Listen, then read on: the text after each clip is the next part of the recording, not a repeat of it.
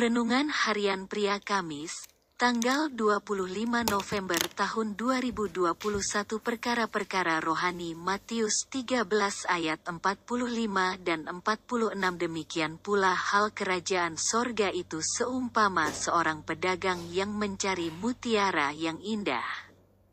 Setelah ditemukannya mutiara yang sangat berharga, ia pun pergi menjual seluruh miliknya lalu membeli mutiara itu.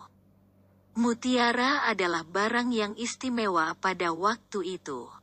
Dan ketika seseorang memiliki mutiara yang sangat berharga itu, ia akan memiliki kebanggaan di dalam kehidupannya.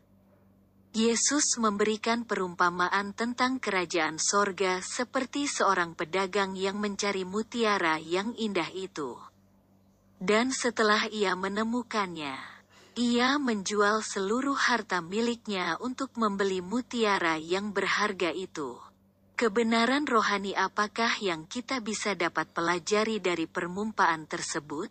Kebenaran rohaninya adalah perkara-perkara rohani di dalam kerajaan Allah itu jauh lebih indah dan jauh lebih berharga dari apa pun yang ada di dalam dunia ini. Puji Tuhan!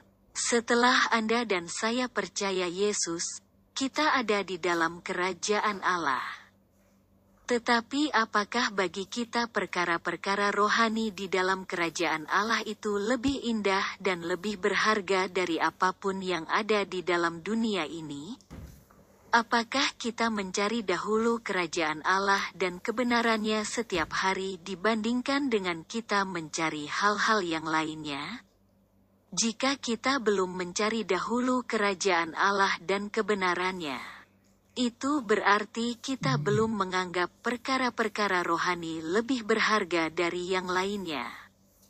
Apakah kita lebih memilih hidup dalam rencana dan kehendaknya atau kita memilih hidup dalam rencana dan kehendak diri sendiri?